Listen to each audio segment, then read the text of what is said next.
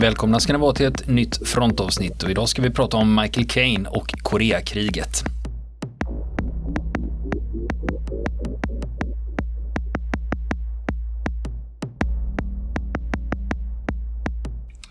Michael Caine, denna legend. Ja, den här klassiska brittiska skådisen. Det är ju så, vi, vi har ju Ja. tagit upp flera kändisar och Mm. presidenter och presidentkandidater och politiker som har Mm. haft, eh, Mm. haft eh, som har varit med i krig. Ja. Och eh, en av dem jag har sprungit på det är ju skådisen Michael Caine, han är 85 år i år. Mm. Men som 19-årig värnpliktig så skickades han till Koreakriget. Man hade fortfarande värnplikt i Storbritannien då. Mm. Just det. Så det är det den här berättelsen ska handla om. Just det. Mupparnas julsaga och så Koreakriget liksom. Ja, men han är, han är ju väldigt mångfacetterad. Ja, det det. senaste jag såg honom i, det var någon av Batman-filmerna där han spelade Butler. Ja. Han får ofta spela ja. distingerad brittisk eh, aristokrat. Det. Och det är ändå lite lustigt med tanke på att han kommer från värsta slummen. Ja, från början då, han, han är ju inte, han är inte adlig på låga Nej. vägar. Eller ja, nu är han ju det, men inte då. ja. Eh, och eh, nu är det så, eh, Michael Caine, Mm. skådisen, han heter ju inte det egentligen, utan från början så hette han Morris Micklewhite. Det är ju inte direkt ett filmstjärnenamn. Nej, precis. Han är ju född 1933. Så när man då eh, springer på det här, Michael Caine, han har varit soldat och då bara, men vänta lite nu här, om man är född 33, då är det ju inte andra världskriget, utan Nej. då blir det Koreakriget. Just det. Just det. Ja, så när ni ser örnen har landat ikväll igen efter att ha hört det här eh, frontavsnittet, han är med där. Mm. Tänk då på att Michael Caine lärde sig skjuta stengun i brittiska militären och inte någon vapeninstruktör från Hollywood. Utan det var där han fick lära sig Mm. Använda sin the real deal. The säga. real deal, han är, har riktig militär utbildning. Mm. Det var så att på den tiden, nu började det som en julsaga här. Bör- Just det. Men det var så på den här tiden. Mm. Eh, Då hade de tvåårig värnplikt i Storbritannien. Och det var som värnpliktig soldat som han skickades till Korea. Men vi tar det från början då. Han föddes ju i södra London och med tanke på mängden roller eh, han han fått på grund, eh, det är ju bland annat på- grund av sin dialekt va. Mm. Den är ju äkta. Ja. Eh, utan, eh, men där han bodde, det var inget höginkomstråd utan det var, det var tufft. Han var ju född 1933, så då var han ju sex år när andra världskriget bröt ut. Och hans pappa fick rycka in i Royal Artillery och familjen evakuerades periodvis. I och med att de bodde i södra London så var de evakuerade emellanåt till Norfolk. Och när, när Kane beskriver slaget om Storbritannien och bombningarna och hur det var att uppleva det så berättar han ju att det var ju inte så att nu började det och sen höll det på konstant utan det kom i omgångar. Mm. Under kriget så hann han uppleva bombningarna av London. Eh, både det gällde från Luftwaffe men han hann också uppleva V1 och V2. Just det. Och den platsen i Norfolk där de var evakuerade till, den var omgiven av inte mindre än sju amerikanska baser för bombflyg, så det var trafik och luftstrider över huvudet på dem. Mm. Och det störtade plan i närheten. Och Kane berättar att om de hann fram till störtade flygplan innan polisen eller Homeguard gjorde det, så hände det att de fick se döda flygare. Och det gjorde att unge Maurice, han, han blev helt ställd. För han, hade ju sett filmer på bio om kriget, men det var först nu han fattade att deras egna soldater också dog. För Det, det hade de inte gjort i filmerna. Nej, det var ju bara tyskarna. Det var bara tyskarna som dog. Men på, på riktigt för helvete, det var ju brittiska och amerikanska piloter som var Just döda det. i de här vraken när de kom fram Just till dem. Och så är det sommaren 1940. Då kom hans pappa hem på en två veckors permission. Och första veckan sov han mest. Men sen kunde de börja umgås lite. Och hans pappa såg trött, sliten och ledsen ut. Och Maurice frågar, pappa, var har du varit någonstans nu när du har varit borta från oss? Och han svarar, jag har varit i Frankrike. Jag har varit på en plats som heter Dunkirk. Mm. Och Maurice tänker med tanke på hur ledsen hans pappa var att han gillar nog inte Frankrike. Utan det var långt senare i vuxen ålder han gjorde kopplingen till Dunkirk. Va? Ja. Utan han tänkte att ja, Frankrike var nog inte så jävla roligt om pappa Nej, kommer hem och Det bara var är det ju i och för sig inte. Korrekt iakttagelse. Ja, det var inte så roligt för, Nej. för dem där då. Precis. Nej, precis.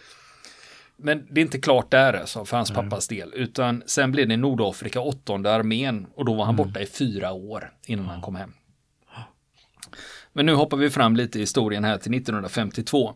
Det har blivit dags för den 18-årige Morris Micklewhite att göra lumpen och det var ju två år i värnplikt då. Från 1949 så hade de kortat den till 18 månader och så ingick det då fyra år som reservare. Men i och med Koreakriget då förlängde man värnplikten till två år. Men tiden som reservare kortades med ett halvår istället då. Och han rycker in i Guildford och han tillhör The Queen's Royal Regiment. Och menige Mickelwhite och de andra rekryterna får en enklare genomgång på första uppställningen. Det är, kan du flytta på något, plocka upp det. Kan du inte flytta på det, ska det målas. Och är det något som rör på sig av sig själv, så gör du honör. Så säger befälet så här att nu ska ni till matsalen och för att ni inte ska behöva gå dit så kommer jag marschera er dit istället. Mm. Och det blev ju med språng. Ja. Och de följande åtta veckorna så gick de aldrig, det var alltid språng. Han berättar en gång så såg han en soldat komma rullande på en cykel och direkt var en sergeant framme och beordrade cyklisten att trampa. och han slås också av hur fint, rent och nymålat allting är. Han tänker först, undrar vem det är som ser till att det är så rent och fint överallt. Sen kommer han att tänka på en sak som hans pappa hade sagt. Att om du spelar poker och efter fem runder du inte har fattat vem det är vid bordet som blir blåst så är det antagligen du. Just det. Och på nätterna, då var det flera av de här grabbarna som grät och längtade hem och det förekom även eh, några enstaka självmord. Mm. På regementet här. Nu ska prinsessan Margaret komma på besök till regementet. För tidigare februari 52, då hade ju prinsessan Margarets syster Elisabeth blivit drottning. Just det. Blivit Elisabeth den andra. Och nu ska ju då drottningens syster komma till regementet. Och då ska det bli fint. Och det ska putsas och fejas. Och under paraden som ska genomföras, då får inget gå fel. Och det finns träd inne på området och det är höst nu. Så alla löv sopas undan. Men får inte riskera att det ska falla ner något löv under paraden så beordras värnpliktiga upp i träden för att skaka grenarna så att alla eventuellt lösa löv ramlar ner innan och städas bort innan paraden. Men, Som man gör. brukar inte du göra så? Ja. Men det finns en gigantiskt stor kolhög som prinsessan kan råka få syn på. Och de vet om att den hinner inte vi flytta innan hon kommer. Alltså beordras de att måla kolhögen vit. Och det gör de. ja, Ja, ja, och sen var det vad säger man? Ja, och sen fick de ju lära sig att skjuta. Det var Ja. 303 Lee Enfield. Den är ju samtida med Mausen, alltså repetergevär. Och så Sten, k-pisten. Mm. Menige Mikkel White, han var inte så nöjd med den. Han säger att antingen så fick man eldavbrott efter tre skott eller så skenar de när man släpper avtrycken och hela magasinet töms i en enda skur. Och vid ett tillfälle så skenar den för en soldat han vänder sig om till officeren för att fr- fråga för hur han får stopp på den. Och- Och medan den fortfarande sprutar kulor och kulorna får kors och tvärs mellan hans kamrater men av ren tur så träffas ingen. Mm. Och det finns ju några berömda exempel när en Stengun har hakat upp sig när den inte ska. Ja. Och då tänker jag ju attentatet Heydrich. mot uh, Heydrich. Det står en tjeckisk fallskärmsjägare med en laddad Stengun framför Heydrichs Mercedes och den klickar. Mm. Just det. Ni får lyssna på frontavsnittet eh, om det om ni vill höra hela den storyn. Men nu kommer vi tillbaka till regementet här. Sen ska de tjänstgöra utomlands. De placeras i den tyska staden Iserlön utanför eh, eh, Dortmund. Och Iserlön, den är känd för två saker. Det var där kedjebrevet uppfanns under medeltiden. Och det är där fältmarskalk Rommel ligger begravd. Detta skriver Kane i sin självbiografi. Eh, Men när jag själv kollar upp det här så eh, Rommel ligger inte begravd i Iserlån utan han ligger i Herlingen utanför Ulm. Eh, Och det är 50 mil därifrån. så det är inte liksom Jag hade grannbyn. tänkt jag skulle gått in och protesterat här Ja, mot vad du nej, sa, det- men jag behövde inte göra det. Och det är just det, så även när du läser självbiografier så behöver man vara källkritisk. Att, Ja, eh, i synnerhet. när det står sådana här saker. Ja. Och anledningen till att Kane tar upp det här, han säger att eh, anled det var det som var anledningen till att tyska Afrikakåren hade återföreningar i just Iserlån för att Rommel låg begravd där. Men det stämmer inte alltså, utan Mm. Det jag vet, det, när jag har kollat upp det här, det är att 1951 så grundades Afrikakårens veteranförening i just Iserlån och det året var det 3000 veteraner där. Mm. Eh, Så att eh, man grundar veteranföreningen i Iserlån och det är väl också därför man har återträffar där sen. ja, just Det det. låter ju rimligt utan att det finns någon annan koppling Nej, till, precis. Det finns ju ingen koppling till Rommel i det här Eh, nej, fallet Inte det överhuvudtaget. Och det, man får tänka på att eh, 1951 då var det 3000 veteraner i lilla Iserlån. Och då får man tänka på att kriget har slutat bara sex år tidigare. Så det är alltså när vi säger veteraner, det är inga gamla gubbar här va? nej, många av dem har ju inte fyllt 30 än. Och Nej, en, nej, del, de- en de- del de är är kanske gamla. 25. Till och med. Ja. Och det var så att de brittiska soldaterna, de hade fått kasernförbud för det hade blivit så mycket slagsmål mellan Afrikakårens veteraner och brittiska soldater under de här återträffarna. Och Kane tyckte att det var fan, vadå, det var ju vi som vann, då får väl de hålla sig borta. Ja, Ja, precis. Annars säger Kane själv att han var en usel soldat. Han lärde sig tidigt att inte dra uppmärksamheten till sig utan han försökte bara flyta med. Och de var ett gäng på fem killar från södra London som höll ihop och de hade samma inställning. Eh, det handlar bara om att överleva de här två åren, sen är vi av med det. Och när de är i Tyskland då kommer det en order från London att om de värnpliktiga skriver på för ytterligare ett år så slipper mm. de skickas till Koreakriget. Och Meni Micklewhite och hans fyra kamrater, de diskuterar det här och kommer fram till att det är värt att chansa. Hellre riskera livet i Korea och slippa det här än att tvingas leva det här livet ytterligare ett år. Så de skriver inte på mm. och förlänger med ett år, utan de skickas till England och The Royal Fusiliers och det är infanteri. Mm. Och namnet Fusiliers kommer från ett äldre ord och det betyder lätt flintlåsmusköt. Men det finns ju kvar i franskan där fusil betyder gevär. Ja. Och till exempel den belgiska automatkarbinen FN FAL. Där FAL Just står det. för Fusil Automatique Légère. Alltså mm. ordagrant betyder det gevär automatiskt lätt.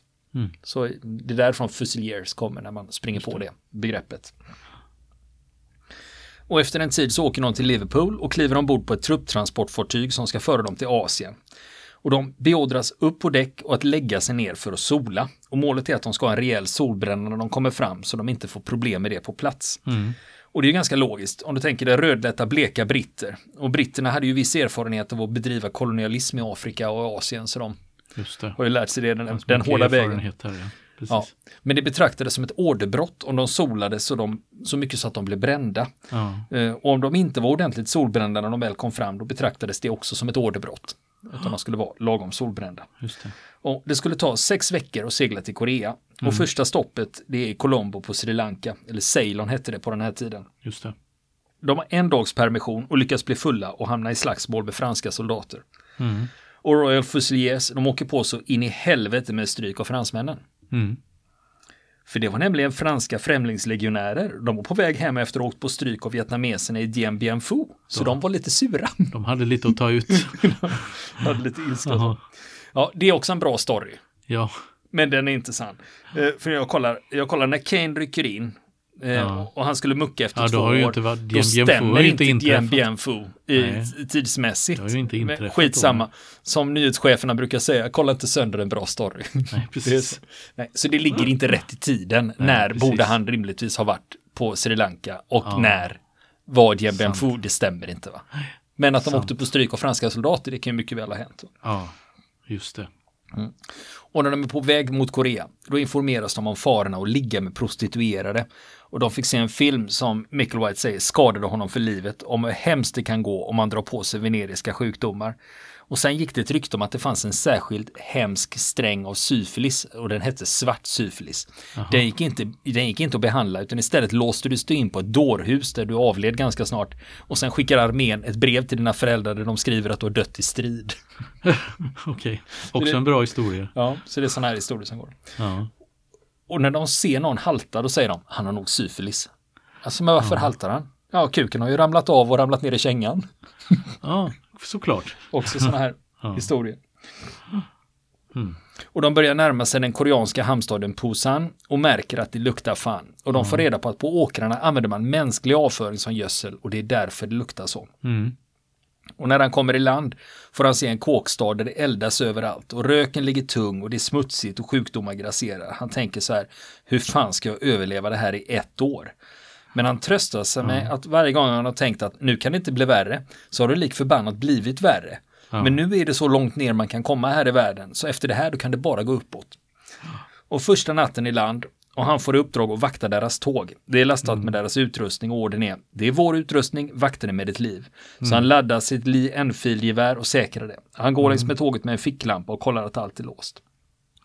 Men så hör han ett ljud bakom tåget. Det är ett skrapande ljud som han smyger dit. Och bakom mm. tåget är det en stor skräphög, men den ser ut att röra sig. Och när han riktar ficklampan mot den ser han att det är råttor. Tusentals, tusentals råttor.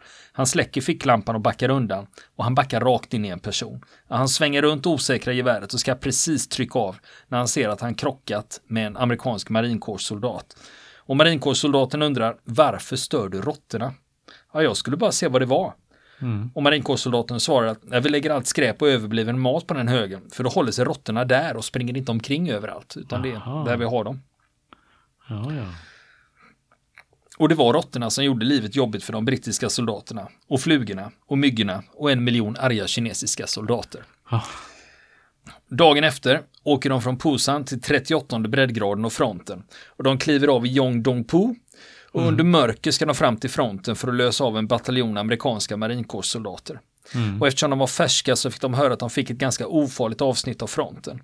Och deras positioner det var på en kulle på 100 meters höjd. Och Kane skulle dela bunker med en kamrat. Och det var på sidan av en kulle som hade grävts ut och förstärkts med träbjälkar. Och där inne stod det två tältsängar och ett stearinljus. Och de här bunkrarna de vette från fronten och var sammanlänkade med skyttegravar. Och Kanes stridsparskamrat han hette Harry Wayne och de skulle ta det första vaktpasset. Och deras befäl informerade dem att de måste vara alerta för kineserna vet att det är avlösning på gång på det här avsnittet och de vill veta vilka det nya förbandet var. Så dagen innan hade de skickat ut en patrull för att ta en fånge. Och det finns risk för att de försöker i natt igen. Ja. Då går det upp för Kane att vi är ju första försvarslinjen mellan kommunism och demokrati. Vi två, jag och Harry. Ja, Precis så. och, och de turas om med att hålla ögonen stängda för att få bättre mörkerseende. Och det tycker sig Kane se att en av buskarna i terrängen långsamt rör sig mot dem. Han har ju hört att kinesiska soldater kunde maskera sig som buskar och långsamt, långsamt krypa fram mot deras ställningar. Han hade ju med egna ögon sett kyparna i Hongkong så han visste att de kunde vara långsamma och tålmodiga. Men efter ett tag så inser de att det är en buske och att den inte rör sig. De testar att betrakta den med periferiseendet och då är den stilla. Det är ett sånt knep att man inte tittar rätt på den, man tittar vid sidan just det. om den då. Plötsligt hör de några kraftiga dunsar. Kan det vara granatkastare? Ska en av dem springa iväg och rapportera och den andra stanna kvar? Men de är rädda för att lämna värnet och de bestämmer sig för att stanna kvar och slåss till de stupar om kineserna skulle komma. För de är för rädda för att lämna värnet. Mm. Och ingen av dem vill ju vara ensam heller. Nej. Och då lyser himlen upp av magnesiumbloss och plötsligt ser de terrängen framför sig. Först är det stora taggtrådshinder, sen markerat minfält och sen lager på lager med torra kvistar så det skulle vara omöjligt att smyga sig fram. Och de blir lite lugnare när de ser försvarsverken och då får de tillbaka lite självförtroende. Och de kan se de kinesiska ställningarna en och en halv kilometer bort. Och då hör de skottlossning. Kineserna genomför ett anfall till vänster om dem. Och kineserna stormar fram i massor bara för att bli nedmejade innan de kommer fram till kullen. Och det här sker våg efter våg tills de plötsligt avbryter och retirerar. Och för Kane var det en omtumlande upplevelse. Dels att ha sett fienden för första gången och för att se hur målmedvetna de var. Att de inte verkar rädda för att dö utan bara storma fram. Mm. Och Michael Caine han lär sig en sak. De har ju lärt sig att inte ha fingret inne i varbygeln utan utanför och det är för att det inte ska bli några vårdaskott. Men han skakade så mycket av rädsla att han inte lyckades få in fingret i varbygeln och hädanefter hade han alltid fingret i varbygeln. Mm. Och de turas om att ta vakten. Harry lägger sig ner i botten på värnet och sover och Kane står post. Han kommer på att det nog inte är så mycket att oroa sig för, för han ser så mycket bättre än kineserna. För i alla filmer han har sett hemma i England, där hade alla asiater jättetjocka glasögon. Just det. Och de klarar första natten. Men så är det den här bunkern de bor i. Det finns ett råttproblem. De vänjer sig ganska fort vid råttorna. Om råttorna är uppe och kryper på dem när de ska sova så hugger de efter dem med bajonetten. Annars struntar de i dem. Men det försvinner grejer. Små påsar med socker, mjölkpulver och cigaretter försvinner. Och de bestämmer sig för att reda ut det. Och de plockar bort alla bjälkar i bunkern och de hittar råttbon med mängder med ungar. Och råttorna hade matat sina råttungar med socker och mjölkpulver men använt tobaken i cigaretterna för att bygga bon. Men det fanns en bunker som var helt råttfri och alla längtade efter att få ta över den. Kane erbjöd de två soldaterna som bodde där pengar, cigaretter och allt möjligt men de ville inte släppa den. Och en dag fick gåtan sin lösning. De hör ett skrik från den råttfria bunkern. Från taket hänger en nästan två meter lång orm ner och har sitt huvud en liten bit från den skräckslagne soldatens ansikte. De lyckas skjuta ihjäl ormen och Kane bestämmer sig för att om råttorna försvinner från min bunker så flyttar jag ut. Ja. Och på dagtid händer det att de hör enstaka skott och Kane slänger sig i skydd. En veteran säger att det är meningslöst för det skottet som träffar dig gör det innan du hör smällen. Och sen får Michael Caine lära sig att hålla käften. För han klagar till befälet att de bara har 303 Lee Enfield-gevär medan amerikanerna har halvautomatiska karbiner. Och då säger befälet jag ska se vad jag kan göra. Och han får tag på en amerikansk kulspruta, en 30 kalibers Browning. Och vem utses till kulspruteskytt? Just det, Kane. Han Han får en kort kurs i hur den laddas, avfyras och hur den fungerar och hur han ska hålla rent den. Mm. Och tidigare under värnplikten hade han fått frågan om han ville jobba med transport. Han svarade nej. Han hade fått frågan om han ville syssla med stridsvagnar. Han svarade nej. Anledningen är att han tänker så här. Jobbar jag med lastbilar, då blir det min uppgift att hålla lastbilen ren. Och jobbar jag med stridsvagnar är det min uppgift att se till att stridsvagnen är ren. Då är det bättre att vara skyttesoldat och då har man bara ett gevär att hålla efter. Ja. Det är lugnt några veckor och sen ska de åka på permission till Seoul. De kallar det R&R, alltså Rest and Recreation. Han tycker att BBB är en bättre förkortning. Booze, Broads and Brawls. Brudar, bärs och barslagsmål. Det blir väl den svenska översättningen då. Det var ju flera länder representerade där och på permissionerna blev det alltid slagsmål mellan vissa grupper som verkar hata varandra av någon anledning. Han säger att maorierna från Nya Zeeland, det var de största män han sett. Och de hade kommit på kant med det fransk-kanadensiska regementet som mest bestod av kanadensiska skogshuggare. Och när maorierna och de kanadensiska skogshuggarna drabbade samman, då vågade inte militärpolisen kliva emellan utan de fick slåss till de var klara. Sen rök turkarna och grekerna ihop. Och amerikanska marinkåren slogs mot den amerikanska armén. Och Kane skriver att det var större risk att bli dödad eller skadad på permission än vid fronten. Och en av uppgifterna som Kane tyckte var värt, det var sidouppdraget att leta efter föräldralösa barn. Det var enormt mycket civila som dog under kriget. Det finns olika siffror när det gäller civila förluster, men man brukar säga att över två miljoner koreaner dog. Och Koreakriget har kallats den blodigaste konflikten under kalla kriget, men det beror på vilka siffror man ska kolla på. Vietnamkriget uppskattas till mellan 900 000 och 3,8 miljoner. Bangladesh frihetskrig 71, då beräknas över 3 miljoner döda. Och Kongo 98 till 2003 upp mot 5,5 miljoner döda. Men hur som helst, i Korea, det gjorde, det, det var ju enorma civila förluster. Och det gjorde att det fanns enorma mängder med föräldralösa barn som irrade omkring, ibland så unga som under två år. Och britternas uppgift var att ta hand om dem och lämna över dem till en amerikansk organisation som hade till uppgift att ta hand om dem. En annan grej. Det var så här att eh, Kane, han hade gått i skolan fram till han var 16 och ett halvt. De flesta andra hade slutat när de var 14 år. Så i deras ögon så var han extremt högutbildad och hade svar på allt. En vanlig fråga han fick, det var att soldater kom till honom och bad honom kolla om de hade gonorré. Det var alltså en extremt vanlig sjukdom i Korea vid den här tiden och det var många som åkte på det. Men han kunde trösta dem med att det gick att bota på en vecka med penicillin. Men tyvärr så var det vissa soldater som tog livet av sig efter att ha fått beskedet att de hade gonorré.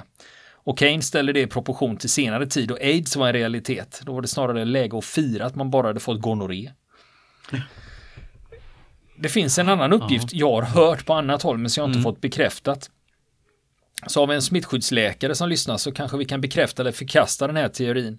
Att det är den stammen av kondylom, alltså könsvårtor som vi har i västvärlden. Den spreds under Koreakriget. Att det var, den kom från Korea och de amerikanska soldaterna och de andra ländernas soldater tog med sig den här stammen av kondylom Aha. ut i världen. Ja. Och, så de som får kondylom idag, ni ska veta att ursprunget kommer från Koreakriget. Så det är lite militärhistoria om ni drabbas. Ja, om det. det är så. Men om det är någon som har koll på det här. eh, Jag har hört det en gång av en smittskyddsläkare. Men jag mm, jag har som sagt bara hört det Ja. en gång. Ja, nej, jag har inte hört talas alls om det här Nej. heller. Så att, det var intressant att veta. Ja. Nu tillbaks till Michael Caine och hans stridsparskamrat Harry Wayne i skyttevärnet med utsikt över dalen framför dem. Det är natt och plötsligt hör de en trumpet och sen en till och en till och strålkastarna tänds bakom dem och de kan se tusentals kineser storma fram genom dalen i riktning mot dem. Kane kastar sig på kulsprutan och börjar skjuta ner mot dem. Han säger att han inte såg om han träffade någon, men de var så många att det inte gick att urskilja. Men han måste ju ha träffat med tanke på hur många de var och hur mycket han sköt. Ja. Och deras artilleri drar igång och smällarna skapar luckor bland de framryckande kineserna. Anfallet är riktat mot de amerikanska styrkorna till vänster om britterna, men massiv eldgivning och artilleri gör att anfallet avbryts och kineserna drar sig tillbaka. Kane känner sig lättad och stolt över att ha klarat av striden, men han kollar runt i kikaren och gör en oroväckande upptäckt. Han hade ju känt sig trygg med minfälten och taggtråden, men då ser han mängden lik och var de ligger, och då förstår han den kinesiska taktiken. Självmordstrupper har till uppgift att springa först. De ska springa genom minfältet och klarar de det ska de slänga sig och lägga sig över taggtråden. Till slut kommer det att leda till att minfältet är röjt och att det är så mycket lik på taggtråden att trupperna kan ta sig över. Just det. Och de kunde inte ge sig ut och plocka bort liken i dagsljus utan de fick vänta tills eh, det blev natt. Och det visade sig att de som hade ingått i de här självmordstrupperna det var gamla män eller unga pojkar och de yngsta ner till 12 år. Och en av de mer skrämmande upplevelserna som Kane upplevde det var att gå ut på spaningspatrull på nätterna. De tog sig igenom sitt eget minfält, genom risfälten och nästan ända fram till de kinesiska ställningarna. Den här gången är de tre. Plutonchefen Robert Mills, Michael Kane och en signalist. De lyckas ta sig fram genom ingenmansland och är rakt nedanför de kinesiska ställningarna. Plutonchefen säger till dem, ni får fem pund var om ni går med på att vi smyger upp och snor med oss en kinesisk fånge. De andra två tycker att han är galen och vägrar och han ger med sig, trots att han faktiskt har högst rang och de smyger tillbaka till sina egna ställningar. Och när de kommit halvvägs till, tillbaka, då pausar de. Och trots att det är natt så är det jättevarmt och myggorna svärmar runt dem och de sitter i ett risfält. De sitter och puster ut när de plötsligt känner lukten av vitlök. De har fått höra att kineserna tuggar vitlök som amerikanerna tuggar tuggummi. Och mycket riktigt, det är en kinesisk patrull i närheten som går i det långa gräset. Och det var inte ovanligt att de brittiska spaningspatrullerna förföljdes av de kinesiska patrullerna så att de kunde ta reda på vilken väg man kunde ta sig genom britternas minfält. Mm. Och Michael Kane och hans kompisar ligger stilla. Men Kane skakar något så förbannat av rädsla. Och vis av erfarenheten så har han stoppat in fingret i varbygeln innan. Men så händer det något. Rädslan ersätts av vrede. Så istället för att vara rädd blir han skitförbannad. Jag har kommit hit utan att ha uträttat någonting hittills i livet och nu ska jag dö. I helvete eller? Jag kanske ska dö, men jag ska ta med mig så många kineser som möjligt. De snackar ihop sig och bestämmer sig för att göra en rusning, inte mot sina egna linjer, för det räknar nog den kinesiska patrullen med, utan tvärtom mot de kinesiska ställningarna. Mm. På en given signal reser de sig upp och springer. De ser inga kineser i närheten av dem. För först trodde de att den kinesiska patrullen hade omringat dem. Det har de alltså inte. Men den kinesiska patrullen är mellan britterna nu och deras egna linjer. Så de fortsätter att springa genom ingenmansland i en vid båge så att de till slut kommer fram till sina egna ställningar. Och för Michael Caine var det här en livsavgörande upplevelse. För han säger att han dödade inte någon eller visade stort mod, men han vågade agera trots att han var rädd. Han fegade inte ur utan bestämde sig för att om jag dör så gör jag det, men jag ska ta med mig så många som möjligt. Han växte av den här händelsen och kände sig på jävligt gott humör. Fram tills han kom till sin egen bunker och träffade sin sergeant. Sergeanten säger, vad fan har ni varit, ni är två timmar sena och gör det i ordning, du ser för jävlig ut. Kane var nämligen helt sönderbiten i ansiktet av myggor. Mm. Och sista tiden Kane är i Korea, då har det hunnit bli vinter och det är väldigt kallt och hög risk för frostskador. Och när de står post för de gnuggar varandra i ansiktet var femtonde minut för att undvika frostskador. Mm. Och sen är det dags att åka hem. Det var en odramatisk muck. De kom tillbaka till regementet, lämnade in uniformer och utrustning och tog på sig sina civila kläder och började gå mot grinden. Då håller regementsorkestern på att öva i närheten och när de spelar regementets marsch så sträcker de på sig och marscherar ut i takt och känner ändå en stolthet över vad de har gjort. Och känner att äh, vi har nog inte gjort så jävla dåligt ifrån oss ändå. Och Michael Caine, han blir även anhängare av att införa allmän värnplikt i England. Det här är ju mm. långt senare. Framförallt för att bekämpa ungdomsvåld. Och han har sagt att sätta in dem i armén i sex månader, där får de lära sig att försvara sitt land. Det ger en känsla av att du faktiskt tillhör landet. Sen när du kommer ut så har du en känsla av tillhörighet istället för att dras till våldet. Mm.